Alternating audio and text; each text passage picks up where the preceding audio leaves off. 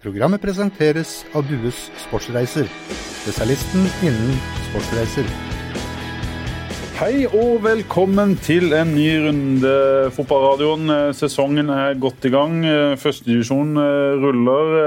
Jesper, Start har fått en fin åpning på sesongen. Det har de, men uh, som du kanskje vet, Pål, så har ikke jeg lov til å snakke om norsk fotball mer. Så det må faktisk du og vår gjest i dag ta seg. Jeg har fått en telefon og en mail fra NTF som sier at uansett hva slags medie du besøker, så kan du ikke snakke om norsk fotball engang. Er det TV 2 du har fått mail av? Nei, jeg har fått mail av Leif Øverland i NTF. Han har nå sendt ut til alle ansatte i TV 2 som sier at vi må også slutte å snakke om norsk fotball. Tenk så farlig å bygge opp produktet norsk fotball. Det er jo helt skandale! Skjønner godt at de nekter den ene etter den andre i å være gjest i vårt kjære lille fotballekstra. Men det skal vi vite. Kanskje vi kommer i fotballradioen? Ja, kanskje det. Kanskje vi heller skal begynne å invitere folk her? Ja. Nei, vi har uh, faktisk booka ei kruttsterk liste av folk utenfor norsk fotball de neste ukene. Så vi skal nok klare oss, men Jeg så Jon Arne Riise var tidlig på. Jon Arne Riise han er booka, det kan jeg si. Han var på tråden i går, og han ville veldig gjerne stille når han så at det var litt bråk.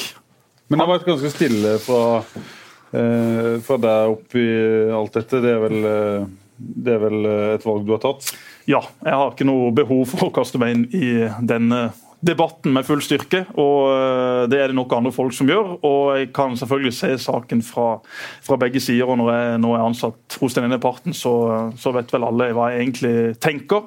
Men at jeg skal kaste meg inn i dette med bånn gnu, det tror jeg ikke at jeg skal. Det er det nok andre folk som gjør. Altså for Jussen og advokatene og de som styrer dette, de får ta seg av det de skal ta seg av. Så skal jeg ha fokus på å fortsette å lage et så bra fotballekstra som mulig, og dekke norsk fotball på min måte. Derfor har jeg nå litt ekstra tid, da, i og med at uh, jeg ikke har lov til å snakke med så mange i og rundt norsk fotball. og Jeg var på politistasjonen i da morges og måtte skaffe da pass til min ett år gamle sønn Svein.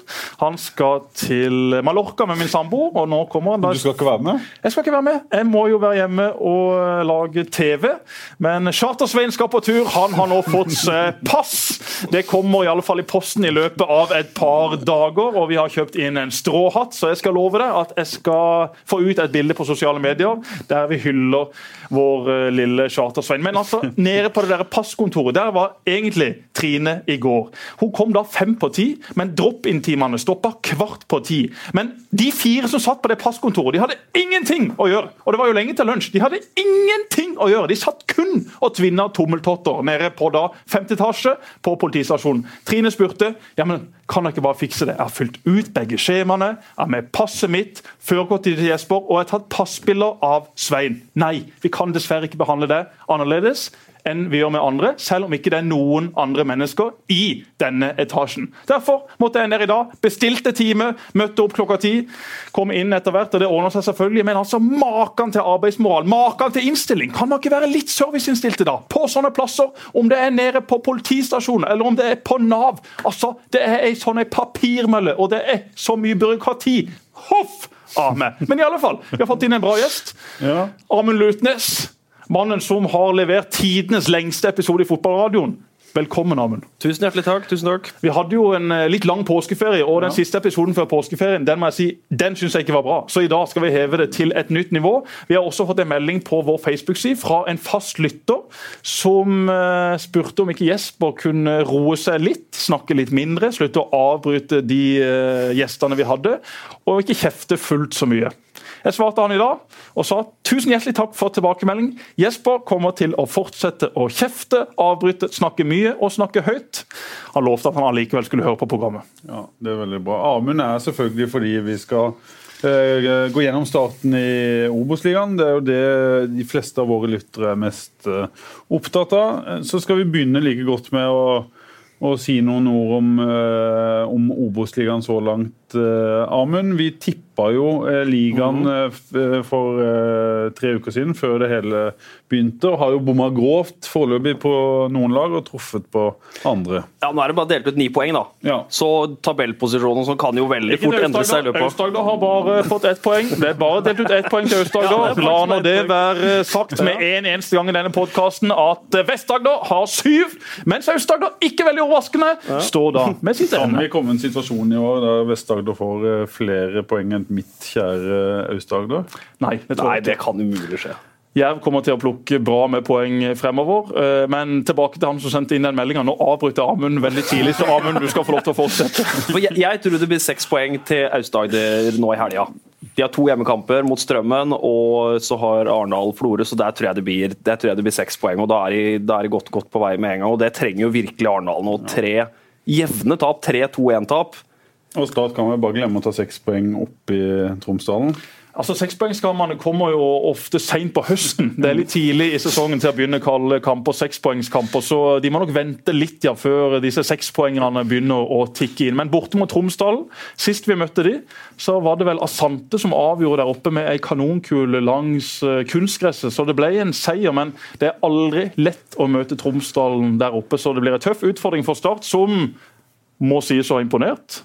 Vi kunne ikke forvente at de hadde holdt på å si, altså syv poeng allerede, med det skadegreiene som har vært, både med Salvesen og Sigurdsen ute. De har vel vært litt heldige òg, ja, Sånn som den Fredrikstad-kampen, så er de jo griseheldige som får 2-2 fire minutter på overtid. I Kongsvinger så ble de kjørt i den første gangen der. de kunne vinner. egentlig stått med null poeng etter to eh, kamper. Kunne faktisk det, altså, men så er det noe med det der, de lagene som skal være i toppen, og topplagene de tar poeng på litt dårlige, litt dårlige dager. Mm. Og sånn som den eh, kampen mot Åsane, og jeg var veldig spent før den kampen kampen her. For det var liksom den første kampen som vi tenkte at Sånne kamper kommer det til å bli mange av i år. Et lag som legger seg litt bakpå, og satser på kontringer, klare start og male i filler et sånt lag. Og det gjorde de etter hvert, da. Mm. Selv om jeg syns det var en veldig snål fotballkamp. Jeg husker det rett før kampen med alt snøværet og den pompøse mm, lagoppstillinga som alltid kjøres på. Så ser du rundt på stadion, så ser du nesten ingenting. Ser du noen sånn blåfrosne folk. Ja, det husker Jeg jeg fikk jo virkelig prøve meg jeg de første minuttene der. for at det ble jo, Jeg går alltid på fem på, så begynner å prate om lagoppstilling og litt sånn småtteri, og så begynner kampen. Nå var det jo fem-seks minutter eh, hvor det ikke skjedde noen ting. så Da ble det jo å kommentere litt på traktoren og dra opp Monsi Mjelde tilbake. og virkelig tørrprate før det kom gang. alle forberedelsene på de fem første minuttene, og det var ikke kampen i gang engang. Ja, det er, sånn, det er sånn som skjer. Det var fryktelig lite folk der. Vi har faktisk fått litt kjeft òg, eh, fordi vi skrev eh, da saken om at det var det dårligste publikumsmøtet noensinne. Folk mente Fedlandsen var negative.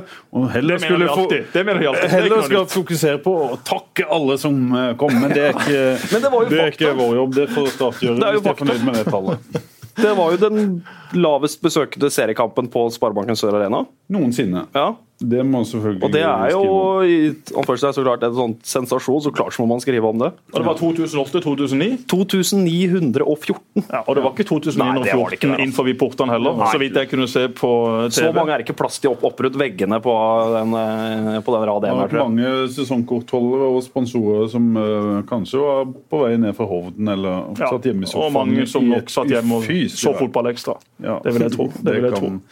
Det kan eh, være. Men, Men Daniel Aase, ja, gledelig. Veldig gledelig. Altså, vi har jo snakket om dette mange ganger før i fotballradioen, at eh, Daniel Aase kan få en ekstremt viktig rolle ja. i Obos-ligaen. Mm. For de kampene han var god for uh, mot Mjøndalen, mot Jerv Vi har spådd dette. Vi har spådd, vi har spådd mye, men kanskje vi treffer på akkurat denne. Ja. For uh, denne kampen Nå har ikke jeg sett hele kampen uh, så godt som dere, men jeg har sett store deler av den i opptak, og Daniel Aase veldig god. Veldig god.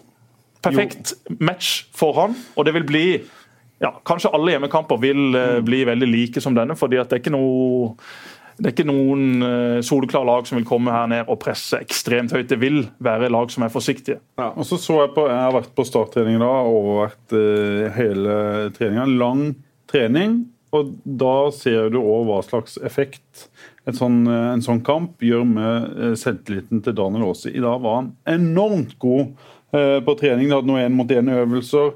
Han bruker både den lille farten han har, og mer kraft, og har med selvtillit. Plutselig så ser han ut som en helt ny spiller, litt sånn som han gjorde i perioder da han kom eh, til start. Da han hadde veldig god selvtillit. og Så mista han litt eh, underveis. Nå er den tilbake igjen, og da herjer han rett og slett på, på, trening, og det gjorde han i dag. Det er gøy å se. Og Det så man bare i pressesonen rett etter kampen. Om det er Rosenborg du slår eller Åsane, det har ikke så mye å si. Det er tre poeng som er innkassert. og Det det handler om, to kamper på rad og to mm. kamper med å holde nullen. Det, er jo, det har jo ikke skjedd siden 2015, tror jeg, i start. Nei, Det er bra. Og så er det de to andre lagene som har gjort det dårlig. da. Jerv har jo eh, skuffa oss. Eh, Jeg har sett uh, Jervs to siste kamper. Jeg syns de har rett og slett vært uh, svake, selv om de sjøl var fornøyd med prestasjonen eh, sist. Så du den? Uh, Jeg satt hjemme og så den eh, på TV, og Roger Risholt eh, kommenterte jo. Og han eh, Jævla bra forsøk, sa han en gang. Jævla bra forsøk! Den fikk jeg i eh, opptak på Snapchat av min gode venn Bernt Hulsker, som også satt og så kampen. Roger leverte bra, han. Bare en liten glipp der. Vi kan ikke bruke for mye jævla på TV, Risholt. Selv ikke om du kommer fra Arendal. Men Jerv, ja, jeg ser jo det at de er veldig fornøyd med prestasjonen sin sjøl og prøver å snakke på seg litt ekstra selvtillit. De som mener at de var best mellom begge 16-meterne, at eh, det var oppvisning i effektivitet fra motstanderlaget. Sannheten er vel at eh, de hadde en spiller i Pellegrino som eh, var veldig giftig. Og han er det noe med. Han har jo eh, folk egentlig venta på i flere sesonger at skal slå til og bli enda mer stabil. Han var nede og trente med Start, eh, var ikke så veldig langt unna å få en kontrakt her. Så en god spiller. Og akkurat for øyeblikket så ser Jerv rett og slett litt eh, tyngre ut fremover enn det de har gjort før. Det ser ut som de spiller med litt mindre selvtillit enn det de har gjort før. I de kampavgjørende situasjonene, foran begge mål. Et par av klareringene bakover og sånn. altså Den, den headinga som Glenn skal, skal prøve å klarere ut, og så er han i en duell. det er klart Der får ikke han gjort så mye mer. Men det er ikke oppofrende forsvarsspill fra resten av gjengen er der bak. Jeg syns det er det kanskje som preger det laget. Syns Glenn jeg tror Glenn er inne på noe når han sier kanskje vi har blitt litt høye på oss sjøl. Jeg syns det er noen spillere der på det laget som ikke tar krigen som du må ta i starten av en sesong for å, å sette spillet ditt. En Ogumbaru som jeg tror ikke har hatt grønske på shortsen ennå i år, selv om de har spilt eh, to kretskamper, som er jo god med ball og alt det der. Men det er liksom ikke den eh, blø for drakta-holdninga som eh, Svein Enersen ville, ville hatt og sett og, og sagt. Jeg mener at de må kanskje fokusere på det. Ja, men det husker jeg sånn som jeg hadde en lengre prat i fjor med den tidligere KFM Oslo-treneren Ståle Andersen. og han husker jeg bare sa en sånn, Det er en sånn super klisjé, da, men det gjelder jo hver gang. Fotballkamper avgjøres i begge boksene. Det er liksom bare noe så enkelt som det. Sånn som det forsvarsspillet til Jerv på de baklengsmåla. Det er jo to, det er flaut å se på. Få lov til å legge inn på sida. De står tre mot to, og så får du legge inn, og så ender han opp hos Pellegrino etter litt flipperspill inni der. Og så forsvarer de seg også litt med at ja, men vi hadde så dårlig sesongstart i fjor også. Vi har hatt dårlig sesongstart før. Men toget går nå, Grimstad! Nå må dere komme dere på jobb. altså Nå er det hjemme mot Strømmen, et lag som absolutt ikke er lett å møte. Som også har hatt en veldig skuffende sesongstart, men som i likhet med Jerv imponerte oss voldsomt. Pål Amanga har, eh, elite- nei, har Obos-ligaens eh, raskeste spiller i Brensrød på topp. og det er klart at Hvis Jerv nå går ut på hjemmebane, de kommer til å stå høyt, de kommer til å styre mye kampen. Men Strømmen kommer til å være ekstremt opptatt av å prøve å ta de kontringene som kommer. og Da har han rett og slett mye mer fart enn samtlige spillere i det Jerv-forsvaret. Så de kan få ei tøff utfordring der. Også for Strømmen er et lag som virkelig heller ikke har imponert så langt. Men vi tror vel at Strømmen også, i likhet med Jerv, kommer til å plukke bra med poeng Vi de trodde i hvert fall det før uh, sesongen starta. Ja, det tror vi vel fortsatt. Men Ja, ikke- eh, litt skuffende sa Espen Olsen og co. Men eh, kommer det et spissbytte på Jerv nå, tror du, eh, Amund? Ja, jeg synes jo Alexander Lien har jo nesten ikke fått- fått involvert seg ordentlig i det hele tatt. De, de, De kommer til mye innlegg, men han er Ja. ganske langt. Og så syns jeg han også er veldig sjeldent rettvendt. Mm. Og det er, jo ikke, det er jo ikke så klart bare hans feil, det, da, men hva, eventuelt hvilke tanker skal de gjøre da? Skal de sette Danso på topp? Skal de sette Akintola inn i midten? eh, Toft? Vi hører nå at Toft eh, markerer seg mer og mer på trening. Mm. Banka inn to mål for Jerv 2 i går. Skåra jo forrige gang han hadde innhopp. Det er jo en killer i, i boksen, sier En mye, at stasjonær, mye mer stasjonær spiss. Ja, da. de sier at han er bedre i boksen og bedre på huet enn det Linn eh, kanskje er. Men eh, ja. Ja, nå får vi se. Linn eh, er jo en mye bedre spiller enn Toft. Jeg syns jo Linn eh, på sitt beste er en av Obos-ligaens beste spillere. Men kanskje hadde han hatt godt av å hvile. Kanskje hadde han hatt godt av å få seg litt ekstra tøff trening for å finne de siste par prosentene som han ser ut til å mangle akkurat for øyeblikket. Så eh, Vi får nå se hva Sandstø kommer til å velge. Det kommer jo også en cupkamp hvor Jerv skal møte Don et par uker Ja, på Kongsgårdbanen. Det kommer til å være en eh, spiker i ypperste norgesklasse. Hvis ikke Leif Øverland fra NTF tar og ringer og stopper det også.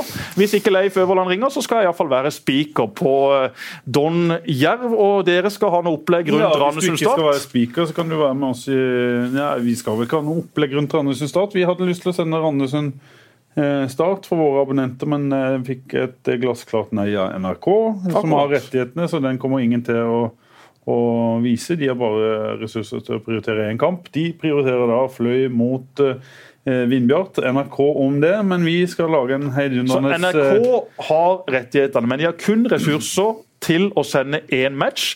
Og Da sier de nei til dere, som da gjerne vil sende denne kampen. Ja, det er Yes! fordi eh, Fotball til folket! De vil jo ha kampen åpen og bruke vår eh, sending, men vi må jo eh, tenke på oss sjøl. Vi skal selge abonnement og, og tjene litt penger, vi også. Da kan ikke vi produsere kamper for NRK og det åpne markedet. Sånn er vårt liv. Men vi skal lage en heidundrende cupsending.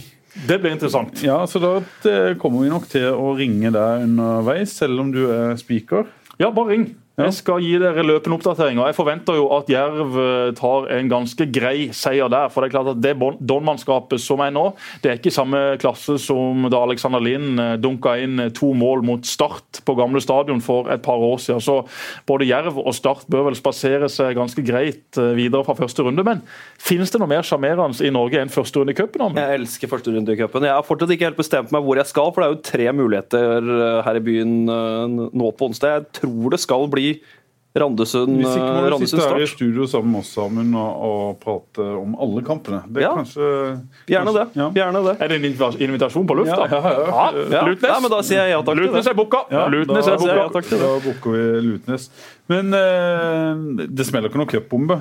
Eh, Jeg husker, var var det i fjor? Det var oppe på Don, oppå på Kongsgård, Don Start. Da Da holdt langt vel. Don eh, til 38 minutter eller noe sånt, tror jeg. Og Mot så start, før ramla. Vikstøl, ja, så ramla det veldig i andre omgang. Det gjorde det. Det var 38 minutter eller så tror jeg Vikstøl skåra 1-0. Ja. Nei, det blir ikke noe, jeg tror ikke det blir noen cupbombe. Eh, Det tror jeg absolutt ikke. Eh, Start og Jerv kommer til å vinne. Eliteserielagene kommer til å vinne. Håper å si, De såkalte cupbombene kommer vel ofte i andre og tredje runde når eh, man skal Ja. ut mot andredivisjonsmotstand. Nå er ikke Start og Jerv eliteseriestandard. Nei, men i forhold til Randesund og Don, så er de på et helt Ja, annet nivå. Jerv har slitt i de tidlige cuprundene tidligere år. Altså, de har eh, kara seg videre. Men Arendal, kan de få trøbbel? Hvem er det de har igjen? Tønsberg, er det det? Ja, Tønsberg. Den er tøff. Nå må jeg ta et forbehold Ja, det- om at det er Tønsberg. Hvis det er det, så er det i hvert fall det tøft. Jeg tror det er Tønsberg Ja. de skal, skal spille mot. Det, må, det, må Det sjekker du mens eh, vi prater om eh, andre ting. Det som er da med Jerv, er jo også at de nå skal ut mot Strømmen hjemme. Vi må vel si som du sa, Amund, at den tror og håper vi faktisk at det vinner. For det er klart at for Start også, med tanke på de lokaloppgjørene som vil komme. Hvis Jerv nå blir hekta av allerede, og Start kjemper alene i toppen, så blir det ikke det samme trøkket, den samme intensiteten, Vi vil den jo samme ha jerv, og Start der oppe som, som, som, eh, som kniver med hverandre på i hvert fall topp seks, syns jeg. Det, det, det hadde Så selv om mitt hjerte er i Start, og selv om jeg håper at Start rykker opp, så satt jeg og håpte at Jerv skulle slå Mjøndalen. Det må jeg bare innrømme. For eh, Jerv eh, har jo vi skrytt veldig av, den jobben som har blitt gjort og gjøres der. Men nå må de begynne å ta poeng! Men er det ikke litt sånn i fotball? Nå har det jo vært siden 2013 bare gått oppover med Jerv. Det har bare gått oppover. Positivitet, positivitet. Kanskje det er den sesongen her da, hvor det bikker litt disfavør for, eh, for Jerv. De rykker jo ikke ned, det er jo ikke, det er jo ikke snakk om engang. Men Men så må vi huske at de har hatt to spillere som har dratt et vanvittig last de to siste sesongene. Først OI, som var en egen Helt klasse, fantastisk. og så Tony Brochmann i fjor. Og så Ja. skulle de erstatte han. Kanskje de Det kan jo være de bommer i år. Det vil jo ikke være eh, en eh, skandale eller unaturlig om de gjør det. De og Danso jo... ser ikke ut som det i det hele tatt til nå. ja, jeg syns jo han ser spennende ut. Da, men Ja, han men har ikke jo sånn- ikke vært, ikke han har ikke vært godt, godt nok uh, trent, men han må jo inn i, i rullene. Ja, De har henta et uh, godt navn med en bra CV, og så har han ikke overbevist uh, gjennom en hel kamp enda. Man ser det glimtvis at dette er en spiller som selvfølgelig kan spille fotball, men han må komme seg opp på et høyere fysisk nivå. For slik også Jerv vil spille, så krever det at de elleve som blir valgt til å være utpå der, de må løpe sokkene av seg. Og så har de jo eh, han, han som ble kalt Babanjid på hele sendinga til Eurosport, som jeg kaller Akintola, som heter vel Akintola til, til etternavn. Han jo, ser jo også spennende ut med ekstrem fakta. Ja, han hadde altså et løp der mot Petter Martinsen på Mjøndalen. Da leverte han ut parkeringsbot til Mjøndalens Ja. venstreback, altså, for der var det speed i skøytene. Der har jeg hørt at i etterkant så kom eh, godeste Petter Martinsen bort til enten det var en Jerv-spiller eller Arne Sandstø og sagt at han aldri i livet sitt har møtt en verre fotballspiller eh, når det gjelder fart. At det var helt ekstremt. Det var omtrent så de løp like fort, og så satt han bare inn et ekstra gir, og, der- så var og han fem meter foran. X-faktor. Ja, Der men de kan ikke- Men jeg mener de er litt ubalansert på den høyresida, sånn som det ser ut nå. Mm. Kan de spille med han eh, Bris og Akintola Ja. samtidig? De eier jo ikke et defensivt fiber. Det er jo antageligvis. Skandina Skandinavias raskeste høyreside. Ja. Men de må jo ha folk som uh, plukker opp innlegg. Så han eh, Bangomo er jo involvert i to baklengsmål. Ikke sånn, eh, Han skal ikke ha skyld alene, men er jo altfor langt unna to, to ganger der. Så det er jo, må jo ha litt balanse, må du ikke det, Jesper? Jo, absolutt. Eh, Samtidig så er jo Arne Sandstø en mann som er glad i å angripe. Han har ikke så veldig mange valgmuligheter heller på den eh, høyresida. Hvis Espen Knutsen nå skal spille midtstopper, så lenge Nils Petter Andersen så ut til å kjenne noe på baksida av lår. Jeg tror kanskje ikke det var noe strekk. Sannsynligvis var det ikke det, for Jerv har jo Norges beste fysioterapeut som eh, gjør sånn at spillerne eh, hans eh, aldri er skada. Så det er klart at det er ikke noe i veien med det medisinske apparatet i Grimstad. Hvis det er noen spillere som blir skada, så må det eventuelt være pga. at de har slurva på egen hånd. For det er klart at Den medisinske oppfølginga de får av Ron Astrup, og ikke minst de twittermeldingene han legger ut, det er av høy, høy klasse. Mannen uten hofter i Start har altså nå skåra flere mål enn det Jerv har skåra i årets sesong. Det er bare å gratulere. Ja, og en del toppskårere i hele Obos-ligaen. Absolutt. Og Nils fra Tåren opp som spiss, og tre goller. Altså, det var tap-ins, men uh, den bevegelsen han har på første målet, den er det høy klasse over, og han er der det skjer. Selvfølgelig slapp bevegelsen- forsvarsspill av, av Åsane, men, men uh, imponerende av den sympatiske nederlenderen uh, som visse folk i Grimstad mener da bør skifte hofter. Ja. Det irriterte meg jo etter kampen når jeg så overskrifta til IK Start, så sto det 'flyvende hollender'. altså bare sånn, Hvorfor kommer du ikke på det i kampen? liksom? Det var det geniale. Det var den flyvende hollender som stanga inn to gang. Bruk den neste gang. Ja, det er det. du. Men eh, den som imponerte imponert meg mest på årets startlag, er uten tvil Eirik eh, Vikne. Jeg syns han eh, har levert over pari, som det heter. Ja, og dette er en spiller som har tatt enorme steg fordi at han er ekstremt treningsvillig. Dette er ikke en spiller som har kommet inn i start og som det har vært soleklart at han her slår gjennom. Han har jeg selv vært i tvil om veldig mange ganger. for Jeg syns ikke at han har hatt uh, hodet, synes ikke han har hatt den riktige mentaliteten ute på banen. Vært litt sånn 'unnskyld at det er her'. Men det er en mann som ofte da har vært igjen på stadion, og som har kjørt egne økter med teknikk, med løping, med styrke. Det er Erik Vikne. Og Det viser seg igjen at det betaler seg veldig godt hvis du legger ned eh, litt mer arbeid enn alle de andre. Så ekstremt gledelig. En fantastisk eh, sympatisk gutt.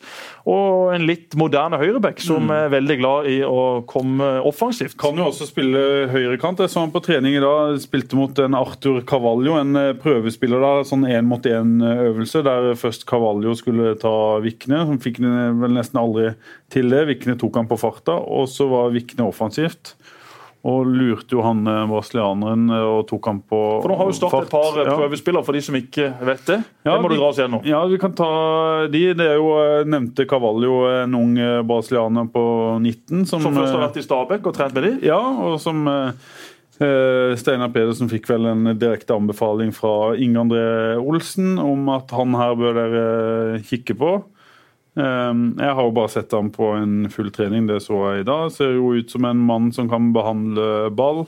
Har teknikk og ok avslutninger, men ser kanskje litt eh, eh, at han ikke er fysisk eh, helt klar ennå. Kan jo være en mann som, som kan bli en god fotballspiller. Jeg snakka med Steinar om han i stad. Og så er det jo han Georgie... George eh, Hva heter han til sub, sub, Og Serber med de Ja, røde skoene på ja. trening. Serbo med røde sko på trening, som, eh, som ser ut som en slags allround-spiss. er vel den de har hatt som, uh, som ligner mest på Lars Jørgen Salvesen, som er en slags målskårer natur. Hestehale? Hestehale? Nei, ikke, sånn som uh, spillertype. Som spillertype, ja. ja. Han uh, har, ser ut som han har Og gode, sist, men absolutt ikke minst, Pål Jørgensen. Ja, nå skal vi I dag kom det da en engelskmann på trening, eller var han engelskmann? Mm. fransk, han har spilt iallfall masse i England. Ja, han ble henta på Kjevik i går av Steinar P. En uh, vanvittig uh, stor uh, mann, rett og slett, som heter Hva var det han het, Amund? Å, det var finne den saken vi har lagt Danny ut. til fornavn. Han, Han heter så mye som slett Nguzan. Gussan heter han. Han spilte i Leicester, Charlton, Scunthorpe, Port Vale, Southampton Men ikke hatt noen klubb siden 2015? Nei. Men han så god ut på han- YouTube. Ja, han, Han så god ut på YouTube. Han var vel sist i, Doncaster. Han ble vel frigitt i september 2016, men da er det en stund siden han hadde, hadde spilt offisielle kamper. Han spilte den siste kampen i desember 2015, så det er jo lenge siden han har spilt fotball, men så ut som en Vært litt nede i Hellas og vært i Auxerre og vært i Glasgow Rangers. Så det er jo litt av en CV. Jeg gikk langs sidelinja i stad mens Start eh, trente, og så gikk de der, og så kommer Benjamin Bojar liksom ut der og skal hente noen vester. Start, som er stor og Og så snur han seg mot meg, og så sier han har du sett, eh, har du sett han svære prøvespilleren, eller? Han sa det ikke på andelsdialekt, men han var veldig imponert over fysikken til eh, godeste Ngusan. Ja. Programmet presenteres av Dues Sportsreiser, spesialisten innen sportsreiser. Nå får vi se hva Start ender opp med å gjøre. Eh, Det hadde jo ikke gjort noe om de fikk inn en eh, spiss for å ha flere alternativer der oppe. Men nå, eh, men nå er det is i magen. Det er is i magen nå. For Tåren skåra tre sist. Du har Antwi som har skåra to på de to Jeg siste. tror jeg Man må, man må veldig være forsiktig med å ha is i magen med den situasjonen. For å være Nei, helt men sånn som vi, når man har en del prøvespillere her nå, at man gjør det riktige valget. For det er ikke noe vits å kaste ut penger av vinduet. Dette blir gambling uansett. Tror du det? Ja. Eh, Det er bare å se på de spillerne som er på trening, og hva slags spillere som er tilgjengelig. Dette blir ren og skjær eh, gambling. De, vet, eh, de kan ikke få norske spillere, de kan ikke få gode anbefalinger fra folk de kjenner. De må stole på agenter og Kan ikke, ikke en hente folk som er ansatt i TV 2. Nei. Det får de heller ikke lov til. Blir det en, en av de her tre, da? Ja, jeg vil eh, tro at det godeste Ngusan eh, har imponert eh, greit på treningen. At han kanskje er den som ligger fremst an i løypa, uten at jeg klarte å tolke veldig eh, klart det i dag. Eh, Steinar vil jo helst eh, hente to, vel. Altså, ja Kanskje han har lyst til å ha et lite prosjekt med den unge brasilianeren. Ja, Da får vi se hva som skjer. Start eh, kommer eh, da til å få en tøff oppgave i Tromsdal, det er vi enige om. Jerv slår Strømmen, det er vi enige om. Ja. Arendal.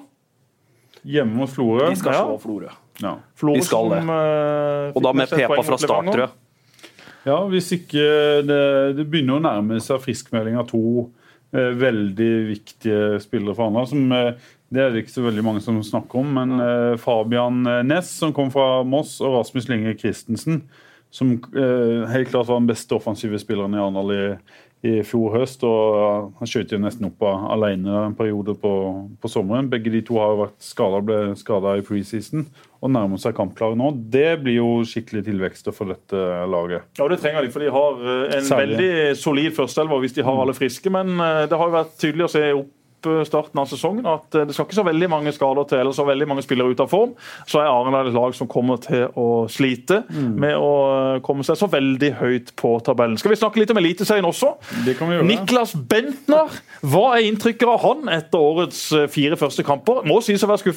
Ja, jeg har hatt han som kaptein på fancy-laget mitt jeg, i alle kampene, og er ikke strålende fornøyd med det. Nei, jeg har jo Bjørn Bergman Sigurdasson som min eh, toppskårer i Eliteserien i 2017. Det går sikkert ikke inn, for han blir vel snart skada. Men jeg syns han ser kanskje hakket hvassere ut enn en, eh, Ja, ja, han har sett ut uh, som en helt annen spiller enn Niklas Bentner, men Bentner trenger jo å komme i form. Men er ikke det litt typisk Jesper, at når det kommer en spiller som har vært litt ute av det en stund, uh, de første kampene, de første treningene, så leverer han litt med overskudd og sånne ting, og så kommer han inn i mye som da vi opplever som tung trening. Så faller prestasjonene før en eh, klarer å løfte dem igjen. Jo, helt klart, Niklas Bentner skal også bli kjent med systemet og med medspillerne sine osv. Men jeg syns ikke han har sett veldig sprek ut. altså. Det er tydelig å se at han har et stykke igjen til toppformen. Han så litt tung ut nå, men jeg syns han så I den kampen mot Odd syns jeg han så mye lettere ut på tå enn det han ja. gjorde nå mot ja. Viking. Jo, og så har du jo da eh, spillere på benken som kanskje hadde gjort Rosenborg bedre her og nå, men Mm. Rosenborg har henta Bentner av en grunn. De vil spille han i form. Han kommer til å få så mange sjanser han bare vil. Det er ikke sånn at Bentner kommer til å bli benka hvis ikke han er eh, skada eller sliten. Så lenge han føler seg sharp, så lenge Kåre Ingebrigtsen syns at eh, han eh, er frisk, ja, så kommer Niklas Bentner til å spille alle de kampene han Ja, vil. han skal være klar til eh, europakvaliken begynner. Ja. Da skal, de, da skal de ha han i form. Ja, Det er viktig selvfølgelig for Rosenborg. Så ser jeg det folk som mener at de kommer til å vinne serien med 15-20 poeng. Det tror faktisk ikke jeg. Jeg tror at Molde kommer til å henge med et uh, ganske langt uh, stykke i år. Ja, la oss håpe det. imponert med. Og han Sander Svendsen han eh, har jo tatt store, Ja. store steg. I. Molde får de lov å holde på i fred. Det er ingen som gjennomanalyserer det de driver med. Men eh, ser en det laget de har, så er det jo masse klassespillere der. Selvfølgelig, men det har det også vært de siste sesongene. Men så har de slitt med å være stabile nok. Toppnivået til Molde er vel så bra som Rosenborg sitt, men eh, det er ikke alltid Molde vinner på de Eirik dårlige Hestad, for en spiller. Ja. Hiring for your small business? If you're not looking for professionals on LinkedIn, you're looking in the wrong place. That's like looking for your car keys in a fish tank. LinkedIn helps you hire professionals you can't find anywhere else, even those who aren't actively searching for a new job but might be open to the perfect role. In a given month, over 70% of LinkedIn users don't even visit other leading job sites. So start looking in the right place. With LinkedIn, you can hire professionals like a professional. Post your free job on linkedin.com/people slash people today. Ja, det er helt fantastiske spillere de har i Molde. På midtbanen, og fremme. fra egen klubb. Ja.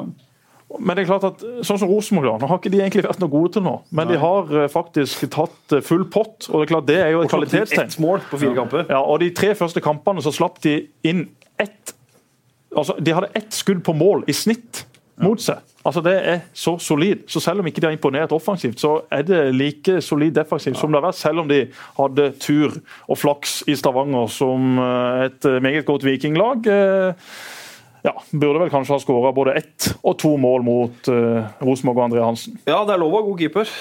Det er Virkelig, absolutt. altså. De fikk, fikk Og i bunnen av Vål- Vålerenga, Ja, der er det problemer, altså. Men er, ikke det, er det ikke litt tidlig å si at de har store problemer? De har tre poeng etter fire kamper, det er greit nok det. Og så har de slitt eh, fælt. Men, nu, Jo, men altså, det, det, det, de viser, det de viser i Molde det er klart Nå var Jonathan Tollås Nation ute med skade, men Mm. Markus Nakkim og Ivar Nesberg, som Vålerenga sjøl har skrytt opp i skyene før sesongen og sagt at disse to guttene ja, de kan spille midtstopper i Eliteserien uten problem. Ivar Nesberg var ikke bare ett nummer for lite mot Bjørn Bergman Sigurd Larsen og co. Han var fire-fem nummer for små. Og Det er klart at det kan ikke Vålerenga være bekjent av. De har henta inn masse gode navn, men hvordan skal Deila få disse gutta plassert inn i sitt system? Vålerenga har mye flotte navn, men hvor mange av de er på vei oppover i sin karriere? Hvor mange er på vei ned? Jeg har store tvil til at Deila vil få dreis på dette Vålerenga-laget allerede nå i år. Han må nok bytte ut enda mer i den spillerstallen. For all del, masse gode fotballspillere, men det har det vært i Vålerenga også i flere sesonger. Men de sliter med å få det til. De sliter med å få spillerne inn i sitt system. De sliter med å få det beste ut av spillerne. Og der har Vålerenga et kjempeproblem. Men så er, er jo også det som er mye av problemet i Vålerenga, der er jo at med en gang det begynner å gå dårlig, så koker det. Da er liksom VG, Dagbladet og TV 2 og alt på det med en gang hele tida. Deila får ikke et sekunds pusterom her i det hele tatt. Nå har de vel ja, tre tap på rad. Ingen møter opp på Men fordelen i Oslo er at de har ikke noe lokalpresse som heter det. Gjør Brann det dårlig, så er BT og BA etter de. Gjør. Start det dårlig, så er FVN etter de. Gjør Rosenborg det dårlig, så er Adresse etter de. Men i Oslo, nei. altså Det er jo ikke det lokale engasjementet. Det er ikke Det er det. Vålerenga. Det er Kjetil Flygen som skriver en artikkel eh, i måneden om, om Vålerenga for, for Aftenposten, men det er liksom ikke noe mer trøkk enn som så. Men det er klart at også den historien som har vært der nå med Kjetil Rekdal i Discovery og denne suppa med meldinger både hit og dit, det er klart at det er jo ganske delikate greier. Det er jo ikke akkurat noe energiskapende eh, noe sånn som når Rekdal går ut. Jeg merka det på den der fotballsendinga til Discovery eh, sist nå som gikk på Rødsport Norge, at det var noe veldig latent der som lå i bakgrunnen når Rekdal begynte å uttale seg om Vålerenga. Ja, det er klart det at han eh, har følt seg pressa ut. eh, om han ikke har følt seg pressa ut, så har han følt at han ikke vil bli, bli satsa på. Han, han, hvis han ikke hadde gått over en ny rolle, så har han vel uansett ikke vært trener i Vålerenga i år. eh, Jesper. Nei, han hadde ikke det. Han, ikke det. han uh, var på, på vei ut egentlig ganske lenge, og det hadde flere grunn av det. Men Simon Larsen sa det vel ganske greit i forrige fotballradio at Kjetil Rekdal var veldig flink på feltet, men han var aldri på feltet. Og der er det noe som, som skurrer. for det at Sånn som Vålerenga har slitt både de siste årene, men også i år, så er du avhengig av at en trener faktisk er på feltet, tar kontroll og styrer dette ut av elendigheten. Så det er klart at Rekdal var nok ferdig i Vålerenga uansett, og hans samarbeid med Ronny Deila det har vi jo sett i ettertid at det kunne vel heller ikke fungere slik som eh, de to hadde håpa på. Jeg tror eh, Vålerenga får en OK sesong, selv om eh, de ser veldig svake ut nå. Men er jeg tror, OK bra jeg tror? Ronny Dale har, har eh, kontroll, og så må de skru litt, men de har så mye offensiv kraft. og så får de har offensivt, ikke sant? de har Moa på topp. ja. Mens Moa skada igjen. Altså, Det er en flott spiller, et flott fotballnavn, som på sitt beste dunker inn mål med venstrefoten sin. Men når så vi dette sist? Mm. Når så vi dette sist mer enn to-tre kamper på rad? Aha, ja, Det er avhengig av en spiss som faktisk leverer. Så kommer det inn Henrik Kjelsrud Johansen, som ikke er i nærheten av å være blant de beste Da må spissene de bruke Eliteserien. Bård Finne som spiss, og så må de ha, ha Bård Finne har vært imponerende. Ja. absolutt. På, kanten. De har jo noen øh, Og så må de få i, få i gang han øh, Keita. Yes. Keita må i gang. Zaid. De, de kommer, de. Altså må, men de må ha bedre, bedre balanse bak enn det de har nå.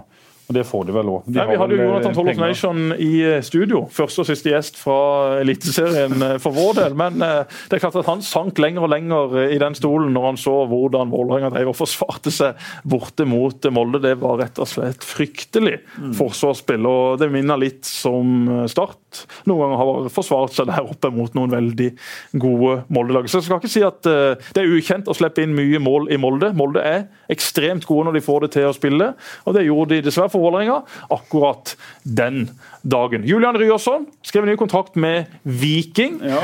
Her må vi få gratulere. En spiller som virkelig har vært en av profilene på et veldig grått vikinglag i år. Ja, Det er veldig synd med Viking. Altså, jeg har vært veldig mye og kommentert i Stavanger og ser de ligger og kaver helt nede i bunnen og med null poeng. Kjempeflott stadion, kjempeflott by, syns jeg, i Stavanger. Men der òg, sånn som i Oslo, det er ikke så veldig mange som bryr seg. Det er jo litt, øh, Virker ikke som Viking er viktig nok trekke noen paralleller til Start òg når det gjelder eh, Viking, som har bygd ned og bygd Mm. ned og bygd ned eh, over noen eh, år nå, og må sikkert bygge enda lenger ned. Ja, det kan om starten. En ny stadion, olja har smelt inn så det synger. Må kutte masse, miste masse sponsorkroner. Har ikke vunnet veldig mange kamper de siste årene. Oilers har gjort det veldig bra, og der har mange av både sponsorene og publikum heller eh, tatt og vendt nesa. Men spørsmålet er hvis de klarer å redde seg. Det kommer jo, eh, Jeg tror forskjellen kanskje på Start og, og Viking er litt kvaliteten på talentene. Jeg tror det er noen flere større talenter, som Ryersen eh, og Michaelsen f.eks. i Viking, som er et hakk over de talentene som er i Start. At de kan klare å holde, holde plassen. Butiki eh, også. Eh, og så har de Ernemann og de som skal klare å Ja, De har komme, Samuel Benro og Karol Metz. Altså, de har en god elver, men det er også Ja, men Hva skjer til sommeren, da? Kommer det tilbud Nei, må på Metz? Kommer det på Adek Benro? Du får ikke erstatta de gutta der. de. Ja. De er kommer aldri til å få erstatta, er de ordentlig. Absolutt ikke. Absolutt ikke. Så komme Viking på de gutta. har også, i likhet med altså, De har jo mye større problemer enn enn det Vålerenga har. For Vålerenga sliter litt med, med det de gjør på banen, men nå kommer det ny stadion, det er masse entusiasme. De har Ronny Deila. Ja. Vålerenga vil over tid nærme seg de beste lagene igjen. Men Viking, der er det steike med en stor jobb å gjøre. og Det er jo synd også for oss som liker fotball her nede. For det er oppgjørene mot Viking, når det koker som verst der, det er jo det oppgjøret man faktisk blinker seg ut og ser når kommer pissemaurene på besøk, og når skal man bort uh, til Rogaland og Kanskje hente tre poeng. så er Viking i første divisjon og starter Eliteserien. Eller kanskje de møtes i første divisjon eh, neste år, eller kanskje de møtes i Eliteserien. Det har du søren helt er rett i. tre forskjellige alternativer. Det. Men så er Det det, er det, så, så- sånn som jeg tenkte òg med, med, med Viking, da. Er det mulig for de Det er så klart mulig å rykke ned, det er så klart det, det er jo alltid det. Men klarer de å få to lag foran seg på tabellen? Nei, bak seg på tabellen.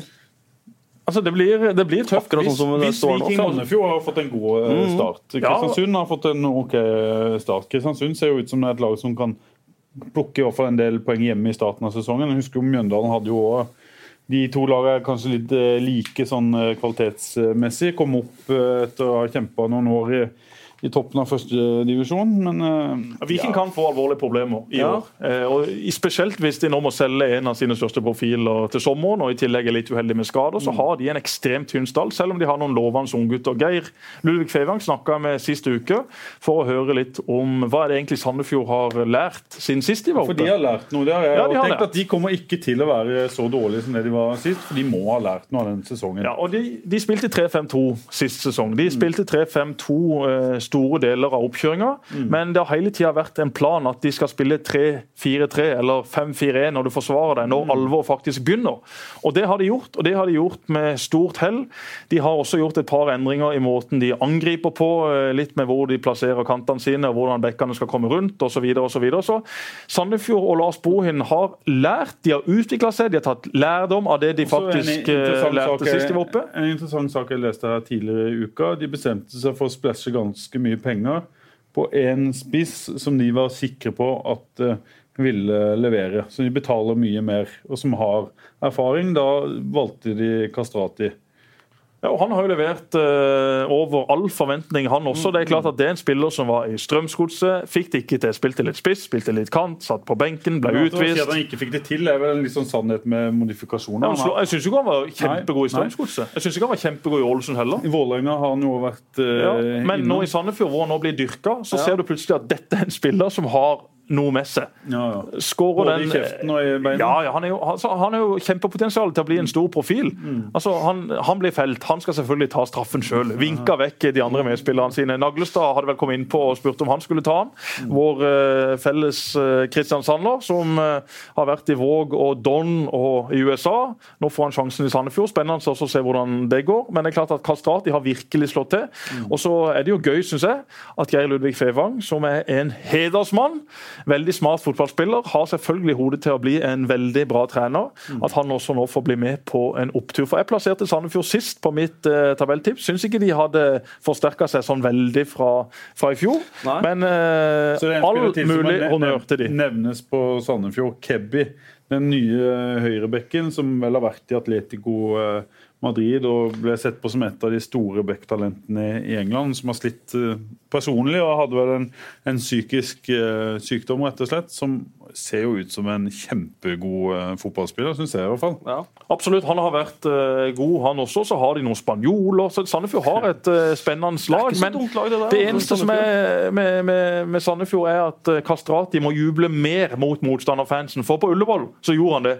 Det ble vel klart i etterkant at det var ikke derfor han fikk det gule kortet. Men hvis supportere skal stå og slenge dritt i 90 minutter, og ikke tåle at det kommer bort en spiller og skal fyre dem litt opp, og da er det altså verdens mest hårsåre babyer som står på tribunen. De kan stå med bannere, de kan kaste ølbokser, de kan stå og synge om mora di, bestemora di, faren din, elskerinna di. Altså, you name it! Men de tåler ikke å få et eneste gram tilbake! Det er så dumt! Disse tøffe, staute karene som står på tribunen. Noen av de tør ikke vise ansiktet sitt engang, for de er så smellkule. Men å få ei lita melding i retur, eller en liten jubelgest i retur, nei, da blir det galt. Da skal vi gi spilleren gult kort. Tenk så farlig å fyre opp motstanderfansen! Jøssa meg, vi driver med fotball!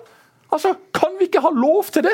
Det er gult kort for å rive av seg drakta. Det er gult kort for å juble til motstanderfansen. Nå er det sikkert snart gult kort for å juble til egne fans også. Da må vi skjerpe oss, altså. Og det må supporterne også. Hvis dere er med på leken, ja, så får dere søren meg tåle steken, altså. Det kan ikke være sånn at spillere skal motta dritt i sesong etter sesong, men med en gang de skal prøve å gjøre noe tilbake, ja, så blir det fullstendig kaos. Folk hopper over tribunen, dytter til spillere, dytter til Dennis Antwi i fjor. Altså, hva er det for noe? Det er tydeligvis ikke bare jeg som har sett den videoen med Tim Howard. Tim Howard han har vi Ja. også sett. Ja. Han la en melding tilbake. Han fikk Ja. tre kampers karantene.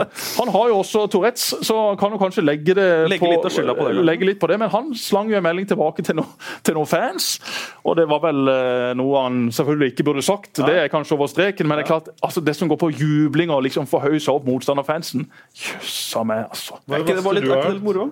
Nei, altså Jeg har hørt masse. Jeg husker jeg bærte skilt på, eh, på gamle stadion da jeg var tolv. Eh, dugnad for, eh, for et startlag jeg var med og trente sammen med.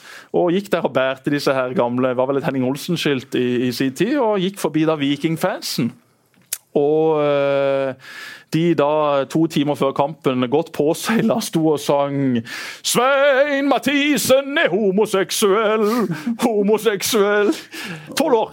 Der sto de og sang om pappa. Ja, du, men de visste ikke hvem du var? Nei, nei, De hadde jo ikke peiling på, på at det var meg, men der kom jeg da stille og rolig og helt uskyldig bærende med et Henning Olsen-skilt. Hva Hva, tenkte du da som eh, tolvåring? Nei, altså, jeg lo nå av det. Tenkte jeg, jøssa meg. Det var jo hyggelig at de sang om pappa. Jeg visste vel ikke hva homoseksuell var en gang på den tida. Så det er klart det var en ny erfaring. Måtte hjem og spørre pappa er du homoseksuell. Nei. Han var ikke det, da. Han var ikke det. Iallfall uh, var det det han sa. Uh, og ting tyder jo på at han heller ikke var det. Men det er klart at jeg har hørt veldig mye merkelig fra tribunen, og det har gått på eh, meg sjøl, på min familie. Veldig mye om bindinger bindinga mellom meg og pappa, som jeg syns ofte har vært veldig urettferdig. Jeg har hørt eh, vel, selvfølgelig veldig mange kommentarer om jeg har spilt på kampen hvis jeg har vært dårlig. Mm. jeg, har hørt, eh, jeg har hørt masse, men eh, jeg klarer liksom ikke å eh, ta Men det var det noen seriøst. som fyra deg som spiller? Nei, Det kom helt an på hva det var. Ja. Jeg brukte jo eh, bevisst ting for å fyre meg sjøl opp. Ja. og Da kunne det gjerne være fra motstanderfans eller motspillere eller egne fans også. Eh, Det er klart det verste er egentlig, altså Motstanderfans kan egentlig si akkurat hva de vil. Men når egne fans begynner å eh, si ting til deg, når det står folk i startdrakt eh, og slenger dritt og skal prøve å håper jeg, si, psyke deg ut og ikke bygge deg opp, da, da, det, det syns jeg er det verste. Ja. Og det er klart, det husker jeg tidlig i min karriere, hvor jeg prøvde å komme inn på laget, sleit med at ikke jeg var, jeg var ikke god.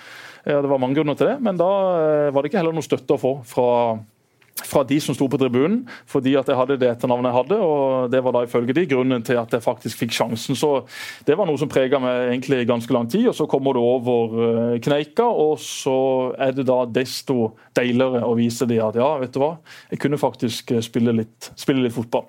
Ja. Ja, for det, det er ofte tenkt på det der når, man, når jeg spiller sånn som f.eks. Jon Arne Riise, som får så mye på seg. Var, var det den Slovenia-kampen da han dunka inn det, fris, det straffesparket, f.eks.? Tenker Det må være sånn drømmesituasjon for en fotballspiller. Det har blitt snakka så mye dritt opp og ned, spalteplass, og så leverer du når kampen kommer.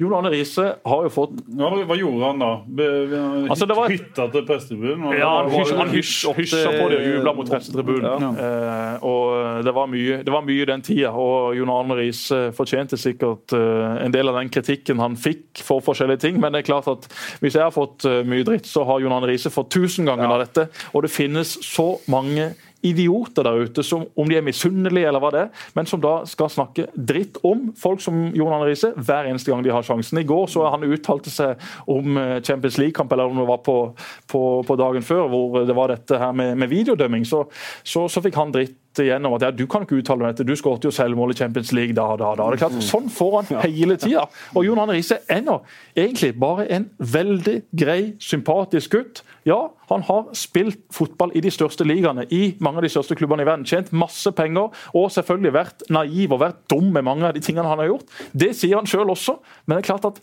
en gang må det jo stoppe. En gang må man jo kunne akseptere at ja, ok, Jon Arne Riise han har gjort mye dumt, men faktisk er en ganske real, grei fyr. Så eh, det finnes så mange der ute som bare elsker Ja, men å rake ned på folk. Han er jo en fyr som liker å stikke Ja, selvfølgelig. ned, selvfølgelig. Det er jo det han har levd av. Altså, han kom kjørende i en rød Ferrari i Oslo. Det er klart at, hallo, det er ikke alt som har vært så kjempesmart. Nei, nei. Men det, man tåler men litt, men det finnes grenser. det finnes grenser. Det er Han er jo norgesmester norgesmester å tråkke salaten. Ja, ja, ja, ja. Han bor jo i salaten. Han hopper rundt i den dagen lang. Men kommer han snart til Fotballekstra, da. Skal vi se om eh, vi ikke kan Ja, Fotballradioen. Der skal vi også invitere han. Ja, ja. Du vet at Hans uh, samboer driver jo en uh, møbelforretning oppe i Ålesund. De tar inn eh, noen eh, dyre møbler fra Kina, og så selger de da det rundt forbi. Og eh, En av mine kamerater i Søgne, Jan Losshus, han er jo da sammen med Norges største blogger, og de bestilte noen møbler da fra fruen til Jon Arne Riise. Og så var det jo det å få frakta dette ned. ikke sant? Det er jo ikke så lett, for det er klart en sofa og en stol og et bord osv. Det tar du ikke med deg på flyet. Så de trengte å få kjørt det ned. Hvem kjørte ned?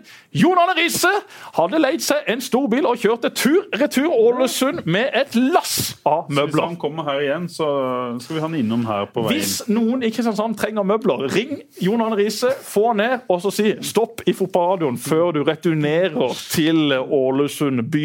Videodømming det må vi også ha før vi skal avslutte. Ja. Hva er tankene deres om det? Oh, er- jeg syns den er så vanskelig. Men sånn som for eksempel i Premier League, når det ble innført den der goal line technology Jeg var jo litt sånn på bakbeina med en gang, men nå så tenker jeg ikke noe over det. Nå er det, liksom bare, strålende. nå er det bare liksom en enkel del av uh, fotballen. fotball. Men uh, jeg er vel litt på det derre at hvis det først skal bli videodømming, så må det være krystallklart hva man skal dømmes video på, hva som ikke. Man kan ikke drive og stoppe kampen sju-åtte ganger i løpet av kampen pga. alt mulig slags. Men nå har det jo vært så, det har vært så mange sånne situasjoner nå de siste åra. Det er åpenbart at fotballen går mye fortere enn det den gjorde for sju-åtte år siden. Da må eh, Eh, teknologien og eh, dommerne tar teknologien i, i, bruk og til hjelp, og den finnes. og Det er så mye penger i fotballen og i Champions League, EM, VM og de tinga der.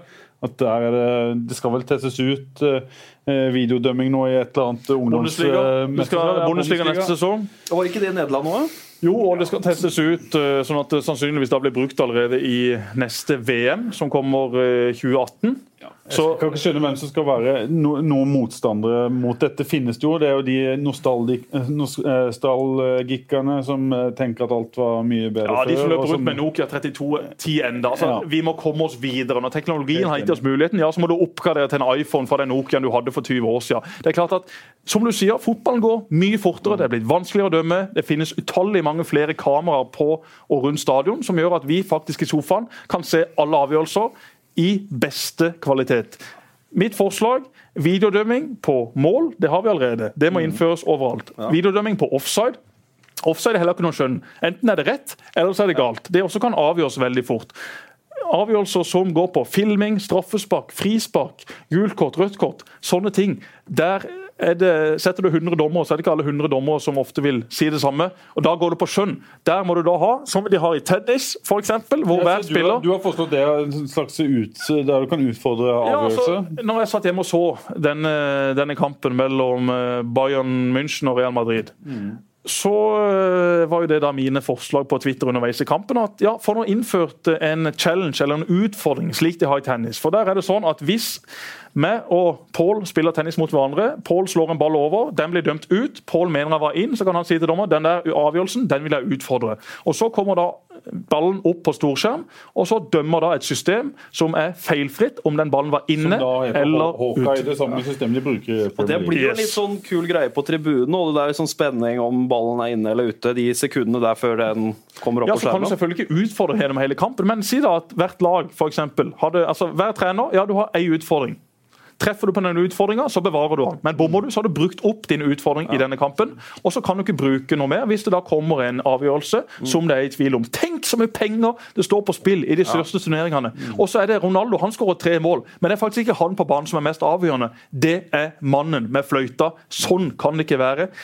Det er fort gjort å slakte dommerne, men de har ingen enkel oppgave, de heller. Nei, Det, det går så fort. Det er så mye press, det er så mye trøkk.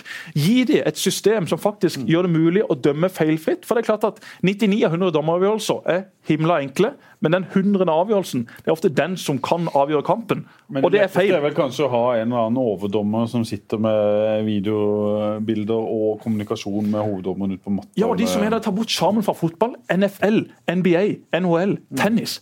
Publikum, TV-seerne, syns det er kjempeunderholdende. Og der må du utfordre! Ja, jeg utfordrer, ja. Så tar det et par sekunder, og så får du I avgjørelsen på så har du til og med lydvel lyd vel på, på dommeren. Det har du. Fantastisk TV. Det må jo bare inn. Vi kan ikke være sånn at i fotballen og eh, her i Norge at vi skal være mot alt sammen. kommer til å bli en del av eh, store ting. Ja, antageligvis. Hvis du skal ha en utdannelse i dag, skal ha jobb, gå på videodommerkurs. Meld deg på videolinja oppe på eh, Mediehøgskolen på Gimlekollen. Eget, eget videodommer... Nei, men Det kommer selvfølgelig til, det er jo på full fart inn, og det er bra. Og de som er motstandere av det, Skal vel eh, læres opp i dette her nå? det skal nok eh, Svein Erik Edvardsen eh, vet vi ikke hva som skjer med. Han har ikke dømt en kamp i år, har dømt feilfritt. Men eh, det er vel hele denne gjengen av Norges beste dommere skal vel innføres i dette. Og så håper jeg at vi snart også får se det i bruk i Norge. I alle fall de tingene som man har økonomi til å bruke. Videodømming, det må på. Og eh, så er det da bare spørsmål om hvor mye og i hva slags situasjoner. Men avgjørelser som ikke da går på skjønn, som ikke er opp til hver enkelt hode, det, det må inn der må det inn video, og så får man ha en utfordring eller to. Det kommer bare til å heve produktet fotball. For du, så jo bare det Real Madrid-kampen sist nå, hvor ekstremt avgjørende ble. Det, første målet, nei, det målet til eh, Ronaldo var jo offside, Ja. og den, eh, det rødt kort, det var jo veldig Det var ikke rødt kort. Det, det var i hvert fall ikke gult kort, det siste gule kortet. Nei, Det var ikke det. Du, vi må avslutte. Vi skal bare minne om én ting, eh, Jesper. 26. mai, da har vi rett og slett leid eh, kick. Det har eh, vi gjort, og da blir det et kjempeforspill før eh, Start Jerv. Da Jeg blir snakka med Steinar Pedersen i stad. Kommer du eh, på kvelden og setter deg ned i en stol og blir grilla av Jesper i fotballen? Så klart, sa han. ah, Det er. Steinar kommer. Vi eh, skal få booka. Arne Sandstø. Ja. Vi skal få booka Roger Risvold. Bjorvann skal komme og underholde oss med sine De fantastiske skal spille strofer. etterpå. De skal Ja. spille Jerv-sanger, de skal spille Start-sanger. Kanskje en Hisøy-sang. Ja, og spørsmålet er jo Har Aust-Agder fått med seg en trepoenger før slutten av mai? Det er Kommer spennende! du, Amund? Ja.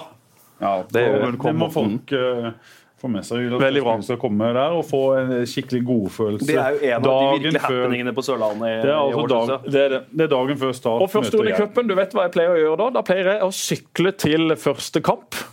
Så jeg skal faktisk sykle til Don Jerv, i og med at jeg ikke skal på Randesund Start. Men vi husker jo alle hvordan det gikk da vi skulle prøve å sykle til Tromøya. Ingen av oss kom fram. Geir Ludvig Fevang, Ole Martin Aas og Jesper Mathisen rakk ikke matchen, rakk heller ikke kampslutt. Vi ble skjelt ut i avisa dagen etter, ble kalt idioter. Hvem trente oss? Jo, selvfølgelig Arendals suksesstrener Knut Ørum. Det er to ting til vi må ta før vi er- Akkurat, er ferdige. Ja, ja, det var en ting jeg glemte. Også, men først eh, må du, du må inngå et eh, veddemål. Du har jo sagt at eh, hvis Vigør slo et start av cupen, skulle male huset ditt brunt. Ja. Det, er vel brunt, huset ditt? Nei, det er ikke brunt. Det, det, var, det var brunt en gang i tida, men ikke da vi møtte Vigør i cupen. Eh, men Benjamin Boja vedda imot. Han sa jeg skal male huset mitt gult. Vigør tapte jo, og jeg da tok kontakt med Benjamin Bojar og spurte ja, skal vi ta og få malt eh, huset ditt gult. Eh, sorry, Jesper, jeg har ikke noe hus. Det var faren som eide huset, og da fikk ikke han lov til det. Så Benjamin Bojar, tøff i kjeften, ikke fullt så tøff når det kommer til å gjennomføre veddemålene. Da vi møtte Don, da skulle jeg da male huset til Dons sportsdirektør Ola Hægeland. Tre strøk, og dette er et stort hus, altså, på beste Lund. Og da leder Don 2-1. Don leder 2-0! 2-0, Det ble 2-1 rett før Alex pause. Lind. Tveit reduserte like før pause. Jeg satt og svetta, jeg var jo spiker på kampen. Folk reiste seg og jubla, ikke mot banen, men opp mot spikerbua. Alle fra Don. De så for meg at jeg skulle de så for meg at jeg skulle male huset til Ola. Tre strøk. Hadde jo stått der hele sommeren. Det hadde ikke gått. Nei, hva skal årets eh, veddemål være? Start møter da Randesund. Og hvis jeg da skal gjøre noe ute i Randesund, OK, der ligger det ei lysløype. Den lysløypa er vel tre kilometer lang. Hvis Randesund slår ut Start, skal jeg gå ti runder i den lysløypa på ski. Og jeg skal gjøre det i løpet av fem dager etter at den kampen er ferdig spilt. Det er greit, da tar vi det på ordet. Så var den siste tingen, Jesper. eh, Det var noen som reagerte på noen ting du sa på Fotballekstra her om en periode i start der dere jubla på benken. Var det spissformulert, eller var Det det, var som alt jeg sier i Fotballekstra ekstremt spissformulert. Jeg ble også kontakta av VG etter sending om jeg ville uttale meg mer om den saken. Og ja, eh, ofte så har man jo hatt eh, trenere opp igjennom som man til slutt ikke har eh, likt, som man vil prøve å få vekk. Og Da var det jo ikke sånn at vi reiste oss og jubla når motstanderne skåra, men det hendte jo at det kom et lite dunk i sida fra han andre som satt ytterst på benken. Eh, det gjorde det, men at man reiste seg opp og jubla, det gjorde man selvfølgelig ikke. Er det lojalt, syns du? Syns du det nei, det syns jeg ikke. Det synes jeg ikke. Men Er det noe du angrer på? Nei, absolutt ikke. Nei. Som fotballspiller så er man selvfølgelig eh, en del av et lag. Men eh, det som skjedde på, det, eller på disse tidspunktene, det var heller ikke det lagets eller klubbens beste. Derfor eh, blir man egoistisk. Man vil eh, først og fremst eh, at klubben skal reise seg, og så vil man også eh, få seg sjøl i gang. Så eh, da var det er, er det sånn fotballen er? Er Ja, det er det. rå, brutal og det er det. Se bare i Arsenal. Alexis Sanchez som nå sitter på benken. og Jeg tror oppriktig at han gir blaffen i hvordan det går med Arsenal. Han kommer til å forsvinne til en annen klubb hvis Arsen Wenger fortsatt er trener der neste sesong. Sånn er fotballen eh, blitt. Sånn har fotballen vært. Det er et eh, lagspill, men i en garderobe så tenker til syvende og sist alle på seg sjøl, på sin egen karriere, på sine egne muligheter. Det finnes noen gode innbyttere, det finnes noen dårlige innbyttere. men det finnes flest dårlige. For bare du merker din garderobe når du går rundt, hvis du har spilt en kamp, hvem som kommer bort og gir deg et oppriktig klapp på skuldra. Hvem som kommer bort, bare gir deg et pliktklapp eh, på skuldra. Og Alexander Lund Hansen i Rosenborg, for meg, verdens beste innbytter. Han har vært rundt forbi, han har spilt. Han har ikke alltid hatt tillit i Rosenborg. Dette er en spiller som er en av de største vinnerne jeg har spilt sammen med. Ekstrem vinnervilje. Men du ser det, selv om han har sittet på benken i Rosenborg, de gangene Rosenborg har vunnet, han står fremst og jubler. Han er den på benken som hopper høyest når Rosenborg skårer. Og Der ser du stor forskjell. De gangene du får filma en innbytterbenk, når det blir mål, da ser du hvem er oppriktig glad for at det ble skåring. Hvem er litt forbanna på at spisskonkurrensen faktisk skårer? Sånn er fotballen. Sånn er det også i andre idretter. Du, eh, du, var åpenbart kanskje det du kaller en dårlig innbytter. da. Det, har du eksempler på andre som du vil dra med deg ned i det dragsuget? eller? Nei, jeg har ikke noe eh, behov for å henge ut andre. Eh, jeg har vært dårlig innbytter i perioder, men jeg har i største perioder av min karriere selvfølgelig vært en god innbytter. Jeg har backa de som har spilt. Jeg har selvfølgelig alltid håpet at Start skal vinne kampene, men det har jo vært noen skikkelser opp igjennom som jeg ikke har hatt sånn kjempegodt forhold til. Og Derfor har jeg da i enkelte perioder, i enkelte kamper, vært eh, en eh, litt dårlig innbytter. Ikke at det er en god ting å være, men eh, du får rene ord for penger fra meg. Ja. Men du får meg ikke til å dra med meg noen andre i dragsuget. Der hopper jeg ned sjøl, og så skal vi se om ikke vi klarer å komme oss opp før neste episode av Fotballradioen. Da sier vi takk for i dag. Takk til deg, Amund, for at du kom. Og så prøver vi å være tilbake i eh, neste uke. Vi er tilbake i neste uke. Muligens eh, passer det da best neste torsdag, etter denne cupkampen mot eh, Randesund. Ja, det var jo et kjedelig veddemål å gå på ski rundt den lysløypa. Nei, nei, det er gøy. Er det det? På grusen der, ja. På grusen? Ja. Det er noen tøffe oppover- og nedoverbakker. Ja, det er veldig kupert løype. Hvis du kommer på noe bedre, så får vi ringe deg. Ja, du får bare ringe meg. Jeg skal love at jeg kommer opp med noe bedre. Men foreløpig er det da å gå Hvor mange runder var det? Ti runder. Ti runder. Ja ja, tre mil. Tre mil på ski på grus. Det er klart at uh, det tar litt tid, det. Det tar litt tid, det. Vi står med det. Heia Start! Programmet presenteres av Dues Sportsreiser, spesialisten innen sportsreiser.